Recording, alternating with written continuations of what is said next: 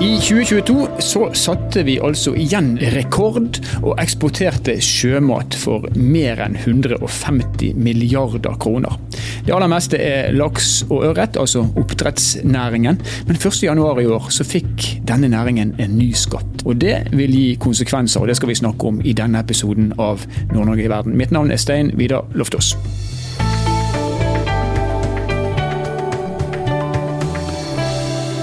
1.10 i fjor, for å si, siden vi nå er i 2023, så tiltrådte Christian Kramer som administrerende direktør for Norges sjømatråd. Og Med det så er han egentlig markedssjef for en av de aller viktigste næringene vi har i Norge. Alt som kommer fra havet og som kan spises. Og Nå er han eh, her hos oss i Nord-Norge i verden. Hjertelig velkommen, Christian. Tusen takk. Vi skal snakke om eh, grunnrenteskatten. Eh, og Den er mye omtalt, men eh, det finnes ennå sjatteringer eh, og fasetter der som vi trenger å belyse. Men for å forstå viktigheten av, av grunnrettighetsgodten, så skal vi starte med å snakke om norsk sjømat. Som jeg vet at du er spesielt opptatt av. Og Jeg leste nylig at Norge de eksporterer altså ikke bare 150 milliarder kroner, men 40 millioner sjømatmåltider hver dag. Og Så sies det samtidig at selv om prisene går opp, så går volumet ned. Hva er historien? Og det var mange fine oppspill på en gang, Stevidar. Det er eh, Volumene går ned av, av, flere årsaker. Vi er jo stor på de to hovedsegment. Vi fisker mye eh, fisk, og vi er stor på havbruk. Eh, og, og, der er det på en måte biologi som, som regulerer. På havbrukssida er det begrensninger og det er tildeling av lisenser på, på oppdrett. Og Der påvirkes jo eh, det av faktorene i havet. Man påvirkes og settes rammer fra myndighetene basert på lakselus og rømming og regulering. Eh, og så er det samtidig sånn at eh, det er et antall konsesjoner tilgjengelig, og de må man holde seg innafor. Så her kan det være naturlige svingninger. og Den mest vanlige svingninga som man ser mellom år, da, sånn som vi er nå, det er temperaturen i havet som kan påvirke si, hvor mye laks vi produserer. Men vi er fortsatt verdens største lakseeksportør, og vi er en betydelig betydelig produsent. Eh, på de ville fiskeriene så er det det samme, egentlig. Det er fiskets gang. Det er, kan være antallet stormer i skreisesongen som gjør at det forskyver seg litt. Det kan være tilgangen på, på kvote og reguleringer også der i biologi. Og selvfølgelig også internasjonale eh, forhandlinger og avtaler mellom land som begrenser, enten øker eller, eller eh, begrenser eh, vår tilgang på vill fisk. Så her er det på en måte mange ting som man ikke alltid kan kontrollere. Og så er det jo sånn at når, når, både myndigheter, politikk og biologien styrer dette, så er det jo vår jobb å sørge for at det vi har tilgjengelig, det har størst mulig verdi. Og der er vi på den, disse store tallene du starta med. 151,4 milliarder i eksportverdi. Et enormt tall. Og så har vi prøvd egentlig med dette 40 millioner måltider hver dag hver dag. å og være litt sånn tydelig på at dette er så store tall at vi må nesten litt, trekke liksom pusten. Eh, fordi vi må tenke at det vi lager er jo Vi ser trailere og vi ser liksom fiskebåter. Eh, vi ser tallene i verdi, men det er jo egentlig mat til verden vi driver med. Og 40 millioner mennesker hver dag kan spise av den sjømaten vi produserer. Men volumet går ned, sånn, og det er naturlige forklaringer på det. og Vi skjønner jo at det finnes en begrensning for hvor mye man både kan fiske og produsere. Men når allikevel eksportverdien da går opp, hva er det fordi at vi serverer ekstra gode fiskemåltider, eller er det, er det andre faktorer som påvirker eh, prisen? Ja, Det er mange faktorer, det er mange ulike elementer. Men eh, over det siste året, som vi da har sett på liksom, siste eksporttall for, så har eh, valutaen vært en faktor. Ikke alltid og ikke for alle varer. og Valutaen svinger jo litt. men men kronas styrke eller svakhet i perioder gjør at 22 eh, har vært et gunstig eksportår. Du får bedre betalt for, for varene du eksporterer. Det lønner seg å være eksportør i disse tider. Og så er det litt mer krevende å være importør hvis du sitter i Norge. Så er det også uh, høyere priser ute i verden. Uh, man har vært gjennom et år med krig, korona, strømkrise, uh, høye kostnader for både privatpersoner og bedrifter. Og Det gjør at kostnadene på alt ute har økt. og Det betyr også at våre produkter blir dyrere. Det koster mer å transportere, og emballasjen er dyrere, og drivstoff er dyrere, og strøm er dyrere. Så det påvirker. Men så er den viktigste og kanskje den mest gledeligste faktoren som vi kan gjøre noe med, det er jo at det er en etterspørsel at eh, kundene ute, om de er i Afrika eller i Asia eller Europa eller eh, på det amerikanske kontinentet, så vil de ha stadig mer eh, norsk sjømat. Så den grunnleggende etterspørselsveksten er veldig, veldig solid. Og Dette måler vi veldig nøye. Jeg har fantastiske, flinke folk i Norges sjømatråd som jobber tett mot sjømatnæringa. Vi vet at vi har den mest populære fisken. altså Verdens mest populære fisk er norsk laks. Mm. Det er den flest konsumenter i flest markeder der vi måler, peker på som den, den beste. Både til hverdag og til formelle anledninger og til fest. Ja. Og det er jo, vi, har, vi er utrolig heldige. Ja. Vi har utrolig gode kort på hånda når det gjelder sjømateksport. Og Norge eksporterer, eller står for 50 så vidt jeg klarer å huske av det jeg leste, 50% av det totale volumet av atlantisk laks. Ja. Det kommer fra Norge. Du sier at, eh, at man foretrekker norsk laks. Er, er, det slik at det generelt spises mer fisk i, fra havet, og av det også norsk laks? Eller eh, spiser man det samme som før, men man prioriterer når man skal ha laks, å velge den norske? Det, det, er et fint spørsmål. Det er nok sammensatt. Eh, en av tingene vi har sett i pandemien, eh, det er jo at en, en del produkter som har vært kanskje sånn historisk vært på nedadgående kurve. Når det blir krevende tider, dårligere økonomi, så går en del andre produkter opp. Så sild er et eksempel på et produkt som går opp. Eh, laksen har stått seg veldig sterkt gjennom pandemi. Eh, den er like populær på restaurant som på hjemmekonsum på kjøkkenet ditt. Eh, så den er ganske sånn krisebestandig og har egentlig stått seg gjennom både finanskrise og tidligere krise som et, som et sånn favorittprodukt.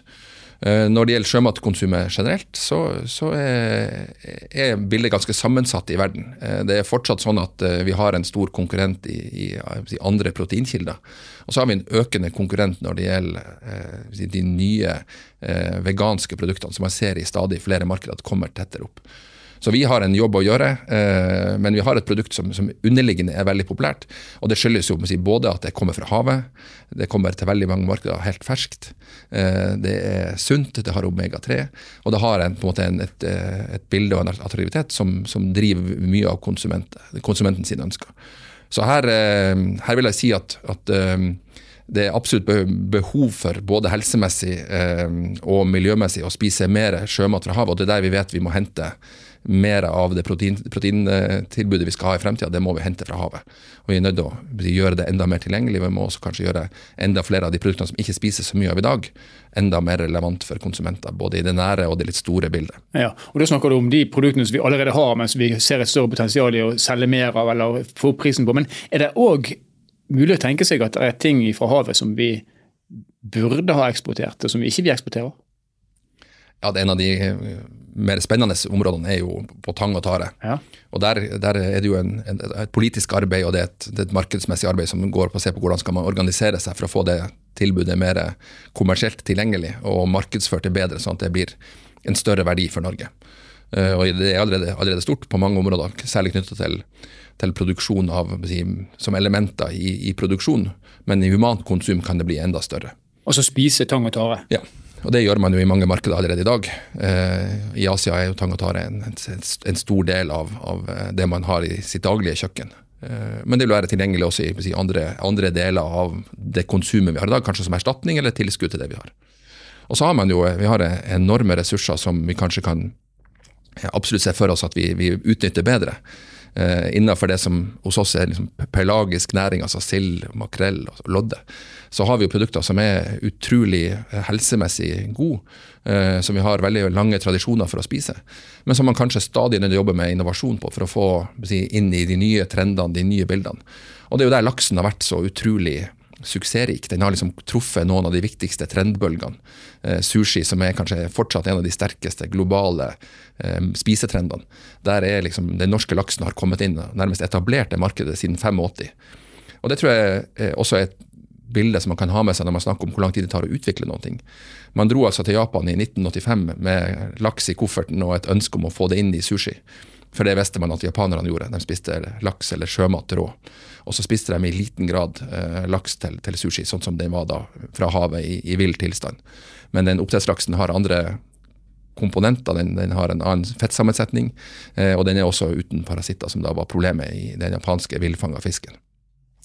Og Da lagde man da på en måte et kampanjerigg, man lagde en langsiktig plan. og Fra 85 fram til i dag så tror jeg liksom historien på, på si 50 %-andelen som du viser til på vår andel, den enorme suksessen og de gode verdiene vi får ut av norsk laksenæring. Det er et eksempel på langsiktig, målrettet arbeid som starta i Japan. Så har den andre elementer også, men, men sushisuksessen starta der. Fascinerende å høre, høre, deg snakke om langsiktighet og 1985. Jeg syns 1985 var egentlig ganske nettopp, men uh, det har skjedd ufattelig mye på den tiden. I dag er det sånn Kristian, at uh, mens laksen står, oppdrettslaksen står for ca. 50% av volumet, så står han for mer enn 70% av verdien. Kan ikke du si noen få ord om eh, hva det er vi eksporterer mest av i tillegg til laksen, og ikke minst hvor er det disse markedene finnes? Ja, vi har, som jeg sa helt i starten, vi har jo et stort, stort utvalg. Vi har stor bredde i det vi har. og det, det, gjør også at vi kan lykkes på veldig mange fronter samtidig, som forsvar, forklarer den store suksessen eh, vi har hatt over de siste årene i, i Sjømateksperten, som gjør at den både blir mer synlig, eh, blir mer relevant. Man ser at den er viktigere for verdiskapinga langs kysten. Og vi ser at både fiskedelen, oppdrettsdelen, eh, produksjonsdelen og eksportdelen blir stadig mer betydningsfull for, for hele kystnasjonen Norge. Eh, og Det skyldes jo at vi har eh, havbruket som vi var inne på sted, med laks og ørret som de sentrale. Så er vi jo stor på det som hos oss heter hvitfisk. altså eh, Det er jo torsk, sei, hyse. Der er vi jo stor på en på, på hvitfisksida. Og så er vi også stor på det som er da bearbeida produkter. Tørrfisk, saltfisk, klippfisk. Som, som er enormt viktige Eh, produkter, i, i, særlig i det europeiske markedet og i det nordamerikanske markedet. Da er vi på hvitfisken. Er vi på klippfisk eh, og tørrfisk, så er klippfisken nærmest som en sånn nasjonalrett i Brasil og Portugal. Eh, tørrfisken er helt avgjørende i, det italienske markedet, og har vært det siden Quirini eh, og sagaen eh, fra, fra, Røst på, på 1400-tallet. Eh, så vi har på en måte viktige produkter fra, fra torsk, sei, hyse som, som, som går veldig viktig, inn i viktige markeder. Og der er jo for fersk fisk så er Europa et viktig nærmarked. Du når på en måte Europa raskt med fersk fisk på lastebil. Du kan dra fra det ytterste kystsamfunnet i Finnmark eller i, i Lofoten eller på Vestlandet eh, raskt til markedet og nå fram med fersk fisk. Og det det er, en del av den sammensatte, det sammensatte bildet. Og så øh, har vi nå toucha på en måte havbrukssida, har hvitfiskdelen. Så har vi, øh, så har vi de pelagiske artene sild, makrell og lodde som vi snakka om i sted, som er store i volum. De er så store i volum at hvis jeg, hvis jeg tillater på en måte i podkasten enda flere store tall, så har vi så store volum av pelagisk fisk at det tilsvarer, hvis du sendte det med lastebil ut av landet, så er det fem store semitrailere i timen hver dag hele året. Og Det illustrerer på en måte de enorme tallene når det gjelder sild og makrell lodde, som går på container, som du ofte sender til land i Asia, eh, til Afrika, eh, delvis for, for sild sin del til, til nærmarkedet i Polen, Tyskland, Sverige. Men det er, det er enorme tall. Og så skal vi ha med oss at vi har eh, det som hos oss er liksom reker og skalldyr. Der er vi sterke på, på reker. Vi er store på kongekrabbe. Snøkrabbe er en art på vei opp. Så dette er på en måte summen av, eh, av det norske sjømatbildet. Og så er det jo mange små enkeltarter, og, og det bildet er veldig sammensatt. Vi produserer utrolig mye forskjellig, eh, men det gir oss også, også veldig mange solide bein å stå på. Uh, og treff, vi treffer ulike målgrupper, ulike måltidstyper, ulike tradisjoner. Og heldigvis også mye av hverdagskonsumet til, til kunder ute i verden. Så de 40 millionene med 40 millioner måltidene hver dag de er plassert på kjøkkenbord og restaurantbord over hele verden? Ja, vi sier at vi, vi leverer til tre fjerdedeler av, av, verden. Tre fjerdedeler av verden, ja. Hvem er det da som er unntatt? Ja, vi, har jo, vi har jo noen uh, weak spots, kanskje særlig da i, uh, i Afrika. og det kan det nok både skyldes tradisjon og eh, kjøpekraft, eh, distribusjon, tilgang til markedene. Men, eh, men Sjømatrådet satser sammen med næringa også i Afrika. Eh, vi ser at det er laksesalg sør i Afrika. Det er eh, mer pelagisk fisk, altså særlig sild og makrell, inn i sentral- og Vest-Afrika. Og det gjør det også særlig mer av, av eh, klippfisk, av sei, inn i afrikanske markedet. Tørrfisk til Nigeria har jeg hørt om òg? Det er jo en, eh, en, god og viktig del av eh, proteintilgangen i eh, afrikanske land og har vært det veldig lenge. Men nå kommer det også stadig si, mer distribusjon, og det går an å også satse mer markedsmessig. Hvis du går 30-40 år tilbake, og kanskje mer enn det, så, så var tørrfisk kanskje mer som, som uhjelp eller bistand, og en, bytte, en byttehandel i, i, det bildet. Men nå er det i ferd med å bli et, et markedsmessig viktig arbeid. Så vi investerer markedsføringskroner i Sentral- og Vest-Afrika i dag. Det er mange mennesker i Afrika, så man eh, må jo kunne tenke at det i hvert fall på, på sikt da, eh, kan bli et stort marked. Det blir interessant å se. Men vi skal snakke om, eh, om det som vel kanskje egentlig var, var tema for denne podkasten, nemlig grunnrenteskatten. Og det er slik at, Som du har redegjort for, at fisk og skalldyr, det som kommer fra sjøen, er kjempeviktig for AS Norge. Det har vært over mange år. Det er blitt betydelig viktigere. Jeg vet ikke, Vi eksporterer halvannen, eller 1500 milliarder verdi i året, og 10 av det kommer fra, fra havet per i dag. Og Potensialet for at det kan bli enda større er absolutt til stede.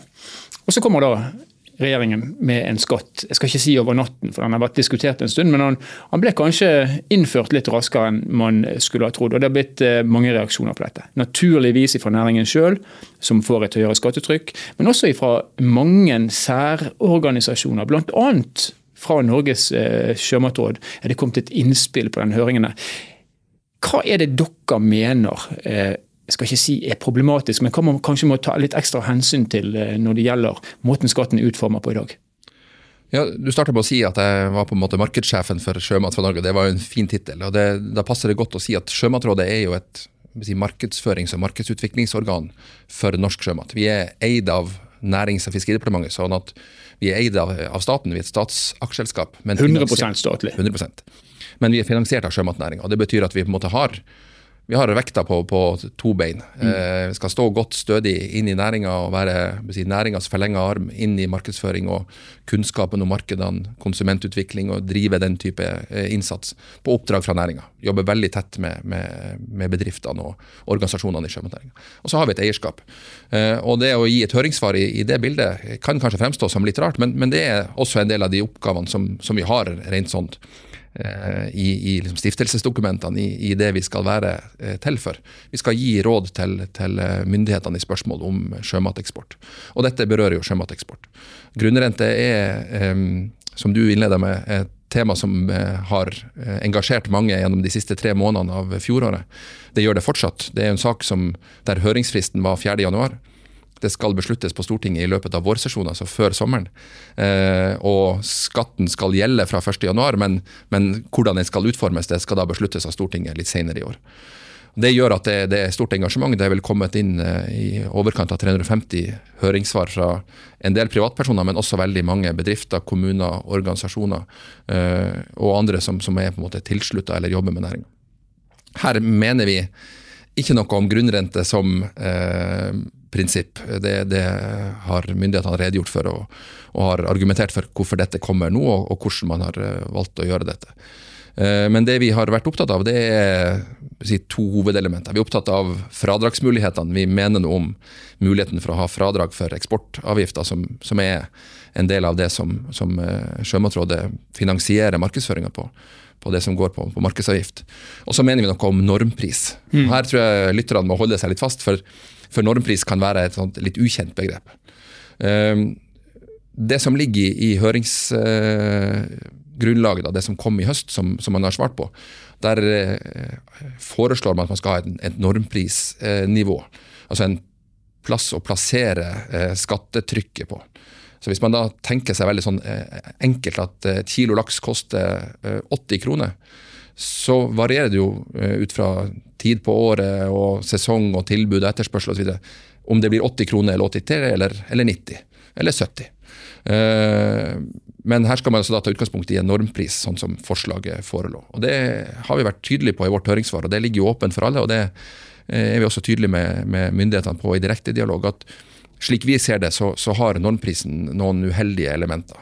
Og det, Da er vi særlig opptatt av det som går på, på markedene ute. Uh, norsk laks er jo et en merkevare. Det er et, produkt. Det ser ganske likt ut, uh, uavhengig av hvem som har produsert det, og i hvilket marked og hvilken butikk du finner det. Men det er kanskje mindre ensarta enn man skulle tro. Uh, vi har ulike produkter. Uh, du kan velge å kjøpe en laks fra Nord-Troms som har noen kvaliteter som en kunde har ønska å, å si, tilpasse. Omega-3-innhold kan være en, eller miljømerking kan være en annen, enn det en, en produsent i, i, Lofoten eller i, i, Rogaland har.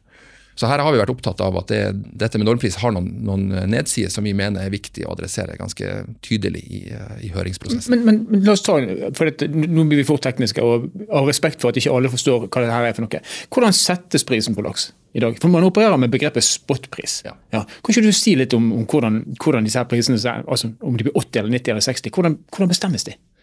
Ja, dette er jo, eh, altså Laksen er jo et produkt som, som eh, eh handles som en, en, helt annen ordinær vare. Det er en kunde og en, en selger. Ja. Eh, og Kunden kan typisk være en stor dagligvarekjede i Europa, eller kan være en importør av, av sjømatprodukter. Eh, og Da gjør man jo på en måte, man, da, da, ser man jo i et spotmarked hva er prisen. Man kan hende at man forhandler med mange og spør hva kan jeg måtte betale for så og så mange tonn eller kilo av, av dette produktet i denne perioden. Det er jo den spotprisen. altså den, en, en tilbud og etterspørsel. Der, er det snittpris, er det det? Ja, du kan jo si altså, Hvis vi skulle bli enige, hvis, hvis vi uh, var tre stykker og skulle bli enige, og du ville betale det ene og den andre ville betale noe annet, så kan jeg som selger bestemme hvem jeg selger til. Jeg ville nok normalt selge til den som betalte høyest pris. Ja, ja. Så du kan si det er på en måte markedets prisvilje. da. Ja, riktig. Spotprisen. Uh, og den, den, den, varierer nærmest fra dag til dag. Uh, er det storm på kysten, er det stengte veier, er det krevende å nå fram, er det uh, streik på, på fergestrekk til Europa, så, så vil, den, vil den, det tilbudet være redusert en periode. Eh, og det vil øke prisen normalt. Er det stor produksjon, er det stor slakting, store leveranser, så vil prisen kunne gå ned. Og da, Dette svinger jo. Eh, men så er det jo et element, og det, der er vi jo tydelige på i vårt høringssvar, at her er noe av dilemmaet. Det er at eh, hvis man skal ha en normpris som noen skal bestemme at du skal skattes av, så vil det kanskje lønne seg å sikte seg mot normprisen, altså en sånn fastsatt pris. Eh, og Det påvirker en annen del av markedet, og det er kontraktsmarkedet. Og Vi sier som tommelfingerregel at ca. 30% av laksen som eksporteres, eksporteres på kontrakt. Og Det er jo fordi at man som si, kjøper av et produkt ønsker å, å, sikre at man har en stabilitet i leveranse og en stabilitet i pris. Mm. Det betyr at en, en dagligvarekjede kan planlegge kampanjer utover året, ut ifra at man vet at så mye fisk har man tilgjengelig til denne prisen. Da kan du trykke annonser og lage videofilmer og instruere butikkpersonal at det er det vi selger laksen for i vår kjede i denne mm. perioden. Um, når, hvis denne normprisen blir satt slik den er foreslått, og som vi måtte advare mot, så kan du da forrykke dette markedet, kontraktsmarkedet. Fordi at du skal betale ikke på kontraktsprisen din, men på normpris. Så, så noen har bestemt på en måte prisen, ikke markedet, men, men kanskje mer på en måte en sånn tenkt standardpris. Så bare for, for, å sjekke om jeg forstår det rett. Det betyr at hvis jeg som lakseoppdretter eller som eksportør vil inngå en langtidskontrakt med en kunde i USA, og blir enige om at eh, du skal få kjøpe laks fra meg de neste tre årene for 65 kroner kiloet så vil han på det tidspunktet ikke ane noe om hva normprisen blir. Og Da kan du risikere at du får en normpris som i verste fall blir mye høyere enn det du har solgt fisken din til, så du får beregna skatten din på et helt annet grunnlag enn de reelle inntektene dine. Ja. Hvorfor velger man en sånn løsning? Det virker jo helt, uh, ikke, helt uforutsigbart, for å si det snilt. Ja, det, det, det, alt, alt, som har med skatt å gjøre, det er jo ganske krevende. Eh, og man ønsker jo å sikre at ting skal være rett. Så her tror jeg man skal ta høyde for at man har eh, de aller beste intensjonene om å lage et, et forutsigbart system. Som skal sørge for at det, mm. denne skatten som er foreslått, denne, denne, grunnrenteskatten, skal være rettferdig og forutsigbar. Uh, og så er det jo sånn at Med alle valg så kommer det noen, noen utfordringer og ulemper, og dette er kanskje en av de tydeligste. Det, det, samme vil du ha på på, hvis du da produserer for en viss pris, eh, og fordi at du ønsker å gjøre det, eller du har kapasitet, eller du vil sikre deg leveranser fram i tid, så velger du å fryse inn fisken. Eh, det kan hende at den fisken kunne du eh, si, ha produsert på, på, et nivå og hatt en kostnad på som du skulle nå eh, per uke to i, i, i, år, men du selger den da om, om tre måneder. Eh, og Da vil du også få et dilemma rundt dette med normpris på fersk og fryst. For du skal da betale for en, en pris som kanskje da er satt litt lenger fram i tid, mens du egentlig eh, produserte for, en, for, et annet kostnadsbilde og en annen pris i markedet. Så dette er noen utfordringer. Så har man jo sagt at um, man skal nedsette et råd. Uh, man har i løpet av høringsprosessen foreslått et normprisråd. Og Det har vi også valgt inn å, ta inn i vårt høringssvar, at det har også noen ulemper. da. Det, det kan avhjelpe noe, men, men det også har en, et, et tilsnitt av dilemmaer rundt seg. Men hva, skal rådet gjøre? Skal de sørge for at det blir en harmonering, slik at det ikke blir et stort gap mellom spotpris og normpris, og mellom reell salgspris og normpris? Er det det som er ideen? Ja, det er nok tanken at man skal kunne få et eh, sånn uavhengig organ som skal kunne sette det og overvåke og se at her, vi har gått inn og sett på dine priser, vi har sikra at du ikke har si, handla internt og dermed på en måte kamuflert hva du egentlig har solgt for.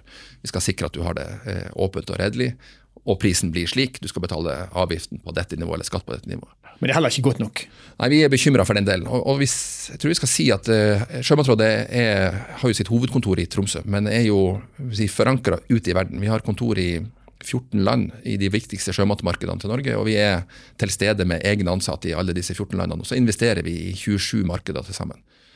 Her ser man jo allerede nå at, at noe av det vi har pekt på Eh, som vi så i fjor, og som vi fortsatt ser eh, inn i, i, i året der normprisen da er, eh, og, og, og, avgiften da er begynt å komme i, i, effekt uten at det er klart, så ser vi at dette påvirker kontraktsmarkedet. Vi ser at det er mer krevende for kundene å ha forutsigbarhet for hva man skal betale, og man holder da igjen.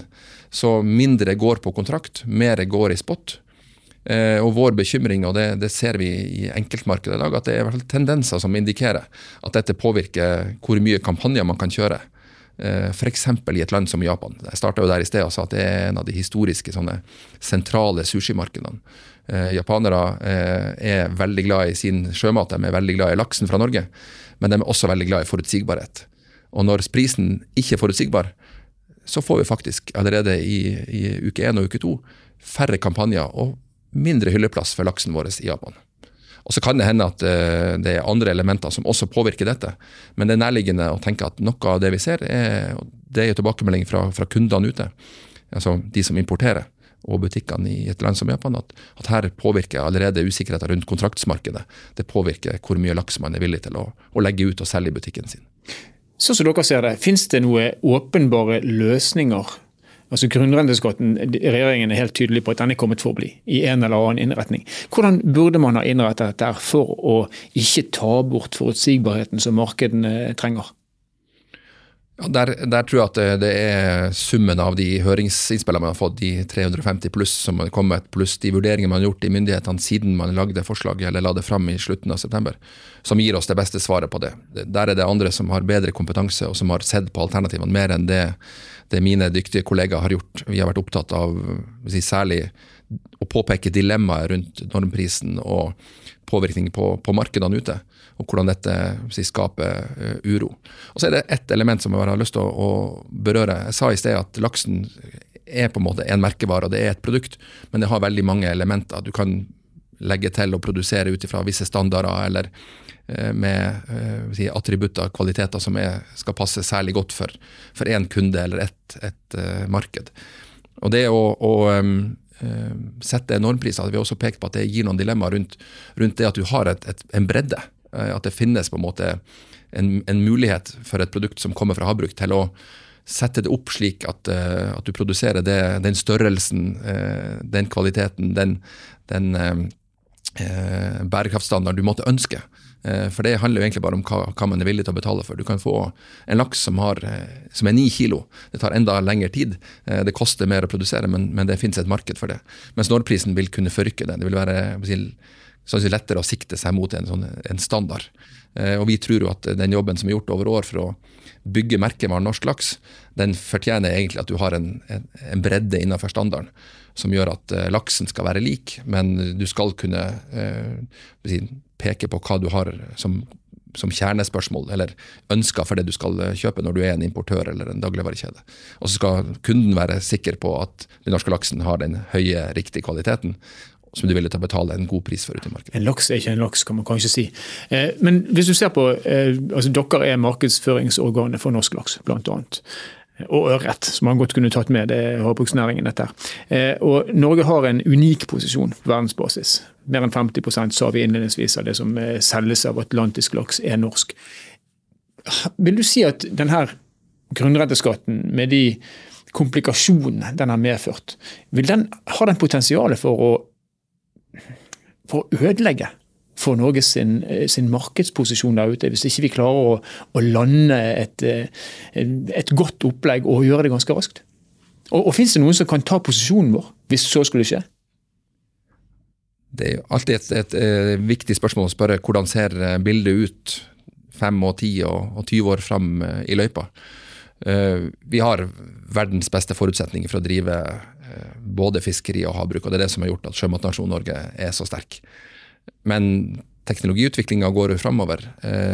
Utforsking av mulighetene for å drive oppdrett på land, det å sørge for at man får på en måte syklusen til å fungere, eh, om det var nærmere det kinesiske markedet eller det amerikanske eller det europeiske, den, den finnes jo. Um, så er nok en del av, av de vi jobber på oppdrag for og sammen med, altså oppdrettsselskapene, havbruksselskapene, eh, eksportørene, de er jo Eh, mange av dem har muligheten til å investere teknologipengene sine andre plasser. Det, det, vil jo kanskje være en utfordring over tid. Um, så jeg samtidig opplever at sjømatnæringa er tydelig på at det å betale sin andel av si, fellesskapet sine, sine, kostnader, det er man opptatt av. Så jeg, jeg, vet ikke om jeg ville bruke så sterke ord som at man, man kan eh, si, ødelegge med denne, men man, er, man er, trenger jo i all næringsvirksomhet forutsigbarhet. Ja. Man trenger langsiktighet, man trenger stabilitet. Uh, så i vårt høringssvar igjen da, så, så sier vi at vi, vi mener at det, det, disse spørsmålene bør finne en raskest mulig avklaring. Mm. Fordi eh, den forrykkinga vi har sett allerede på, på kontraktsmarkedet og på det som skjer ute i verden, da, eh, det tar lang tid å bygge opp. Og Hvis det blir usikkerhet om, om vår evne til å gi en forutsigbar pris eller en, en forhandla pris som, er, som, man kan tilpasse seg til å, å, å styre, Eh, etter, så, så, kan det hende at det, det, gir et rom for konkurrentene våre. Og konkurrentene finnes i Chile, i Canada, på Færøyene, på Island. Eh, sånn at de er absolutt til stede, og ønsker jo eh, å ta det rommet som, er, som markedsledende norsk laks har skapt. Og vi, vi har brukt 100 000 vis av kroner på, på, å skape etterspørsel. Eh, beløpene til Sjømatrådet i, i, år skal vi bruke 408 millioner for å markedsføre sjømat fra Norge. Så på mange måter så, så åpner vi døra. Og jeg mener at det er, det er, viktig for oss å tenke at den døra har vi åpna for for norske produsenter, norske eksportører, eh, for norske fiskere. Eh, vi har ikke åpna den for at konkurrentene skal få lov å, å, bruke det dansegulvet som ligger foran der når det gjelder tilgangen hos kundene. Og Disse konkurrentene de eh, leverer 50% de også, i, i sum? da? Siden, siden, vi har 50% av markedet. Og Er potensialet til stede? Er kvaliteten så høy på Færøyene på Island at, at vi reelt sett kan ha noe å frykte? Ja, Vi mener jo at den beste fisken kommer fra Norge. Det var du på programforplikta til å si. det skyldes at vi har uh, si, reguleringer og naturgitte forutsetninger som er der. Vi har menneskene som kan dette. Mm. Vi er ledende. Uh, og så har vi uh, si, de, de, systemene som skal sikre at vår fisk er, er den beste tilgjengelige. Men um, her er det jo eh, et spørsmål om, hvordan man forteller historien sin. Det, det er konkurrentene våre stemmer. Det, det, kalles konkurrenter fordi vi konkurrerer. De, det er store verdier i sjømat. Det er stor verdi i å bygge merkevarer og eie en plass hos konsumenten i, i deres bevissthet. Og den, Har vi først vunnet den, så må vi ikke slippe den. Nei, det, det, var et svar jeg fortjente å få på et egentlig ganske dumt spørsmål når jeg snakka med markedssjefen for, eh, for Norsk Fisk. Uansett, Kristian, eh, et av de spørsmålene som stadig vekk dukker opp og som blir besvart ser jeg i kommentarfeltene, det er jo dette her med næringen eh, og deres evne til å betale mer skatt. Eh, og Jeg vet at du ikke svarer for det gjennom din jobb, men jeg spør deg likevel. Altså, I et nordnorsk perspektiv så, så liker mange å påpeke at de tjener mye penger, men de reinvesterer i små lokalsamfunn og er med på å skape levedyktige lokalsamfunn. Men nevertheless så er det ingen tvil om at de tjener mye penger.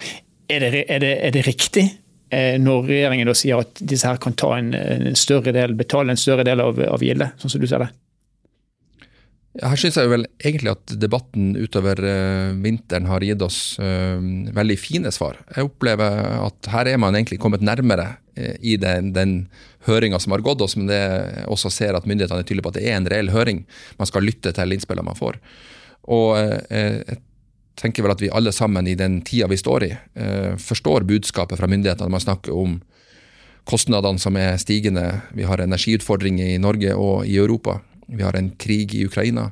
Eh, vi er på vei ut av en pandemi som fortsatt herjer i, Kina, som et eksempel. Så at, eh, at, det er et behov for å sikre fellesskapet sine kostnad, at vi har dekning for det. Mm. At vi klarer å ta vare på de verdiene vi har, at vi klarer å styrke velferdsstaten. Jeg opplever at det budskapet også går veldig godt inn hos, hos de som i dag si, leverer i den næringa som jeg representerer. At man har respekt for det, at man forstår at det er fellesskapet man skal bidra til. Eh, men så er det noen ting rundt innretninga som man er tydelig på at man ønsker å, å justere og endre. Eh, og der også skape forutsigbarhet. Så, og så tenker vel at um, hvis det er en ting som, som uh, Det er ikke sikkert at det er så mange i næringa som jeg jobber for, uh, er helt enig med meg i dette. da. Uh, for dette har gjort vondt. det er veldig mange som er, er opprørt over dette, og som har kanskje også brukt svært mye tid de siste tre månedene på å skulle jobbe med ting som, som ikke direkte er verdiskapende. Skulle brukt den, den, kapasiteten på andre ting. Skape flere jobber, skape større verdier. Eh, øke eh, ringvirkningen av, av sjømatnæringa. Den, den, opplevelsen av, av øh, å bli utfordra gir oss samtidig en anerkjennelse av at man er viktig. Så det tror jeg, og det der jeg mener at kanskje ikke alle er enig i det, da, men, men hvis det er en ting som kanskje kan sies å være i nærheten av positivt, da, så tror jeg at denne debatten også synliggjør verdien av den norske sjømatnæringa. Eh, så er det legitimt at noen sier at denne næringa kan betale mer. og Det mener at næringa også svarer på at de kan og bør.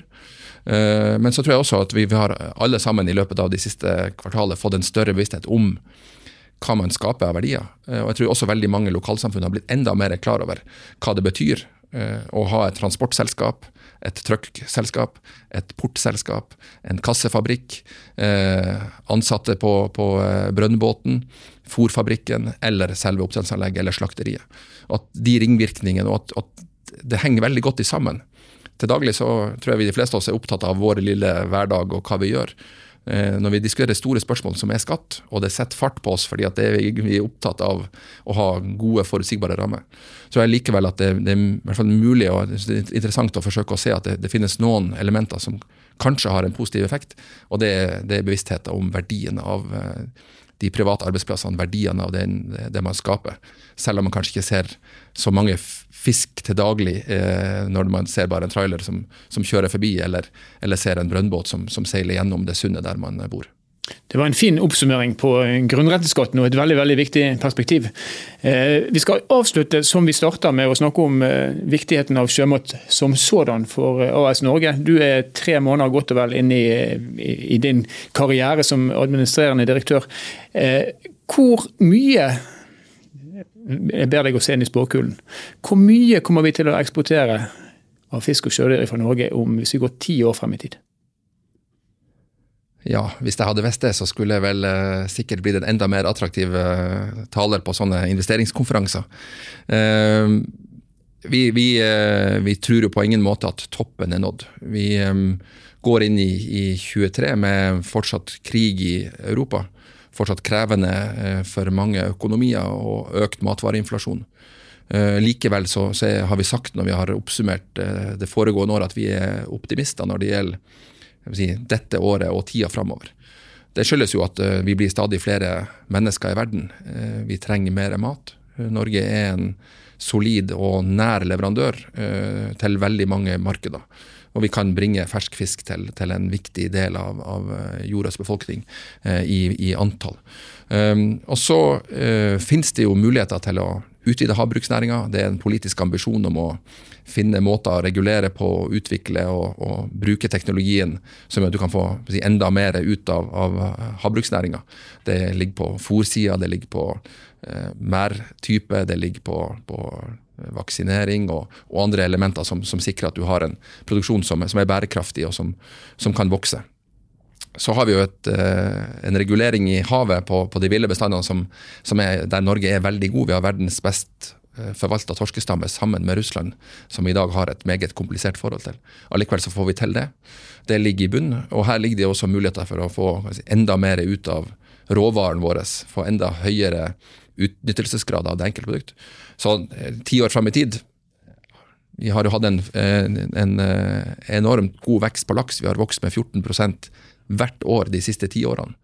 Eh, så er det jo litt vår jobb på markedsføringssida å få kundene til å betale enda mer. Det finnes, Selv om volumene skulle bli stabile, så finnes det muligheten til å følge den stigen oppover, i, i likhet med andre proteinkilder. For fortsatt er norsk sjømat billig. Eh, og vi mener at vi har et produkt som vi kan eh, si, øke etterspørselen på, og dermed få enda flere. Så hvis jeg skulle eh, forsøke å se inn i glasskula, så tror jeg at det er fortsatt mulig å sikte mot en dobling på verdi. Går man 10-12 år tilbake, så var vi på 70 milliarder. Nå er vi på 151,4. Så det er mulig å tenke seg at vi skal eh, doble framover. Og det skyldes vel to faktorer. Mer volum må vi sikre at vi har, og så må vi sikre at vi øker etterspørselen, sånn at vi har en større betalingsvilje for de høykvalitetsproduktene vi har, og de enorme mulighetene som vi har framover. Dette skal vi ta opp igjen i Nord-Norge i verden om ti år. Da blir det sannsynligvis uten meg som eh, programleder. Men ganske min, mye mindre usannsynlig at det er Christian Kramer som kommer til å stå på andre siden av bordet også da. Det vi vet, det er at vi skal eh, utfase olje og gass, som er det viktigste vi eksporterer og har eksportert. Men vi skal øke eksporten fra Norge. Der kommer sjømat til å måtte spille en nøkkelrolle. Jeg tror vi avslutter med å si det. Tusen takk for at du kunne være med oss, Christian Kramer, administrerende direktør i Norges sjømatråd. Tusen takk. Så skatten, Grunnrenteskatten den trådte altså i kraft fra 1.1. 4.1 var høringsfristen ute, og vi hører Kristian eh, fortelle at eh, mer enn 350 innspill er kommet inn. og Regjeringen har lovd å lese hvert eneste ett, og de har lovd å gjøre nødvendige justeringer på grunnrenteskatten for at den skal bli optimal. Både for staten, som trenger mer skattepenger, men dette her må gjøres da uten at næringen rammes på en måte som eh, ja, hva skal man si, skyller barnet ut med badevannet. Det må vi unngå. Norge er kjempestor på sjømat. Vi eksporterer altså for 150 milliarder, og Christian Kramer han mener at vi har potensial til å doble dette i løpet av en tiårsperiode. Så næringen har vært viktig, den kommer til å bli enda viktigere. Og viktigst blant de som opererer innenfor sjømatnæringen, er altså oppdrett av laks og ørret. Per i dag så står det for mer enn 70% av inntektene, altså 106 milliarder kroner i eksportinntekter kommer bare fra, fra, disse fiskeslagene alene. Så blir det spennende å, å, følge med hvordan utviklingen blir. Vi får jo tro at man eh, lander på, et, eh, på en modell som eh, klarer å være litt Ole Brumm gi både til staten og til, til, næringen som sådan, og at denne næringen kan fortsette sin viktige reis mot å bli enda viktigere for AS Norge.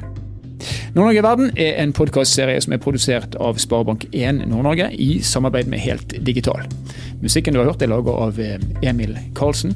Mitt navn er Stein Vidar Loftaas. Vi høres i neste episode.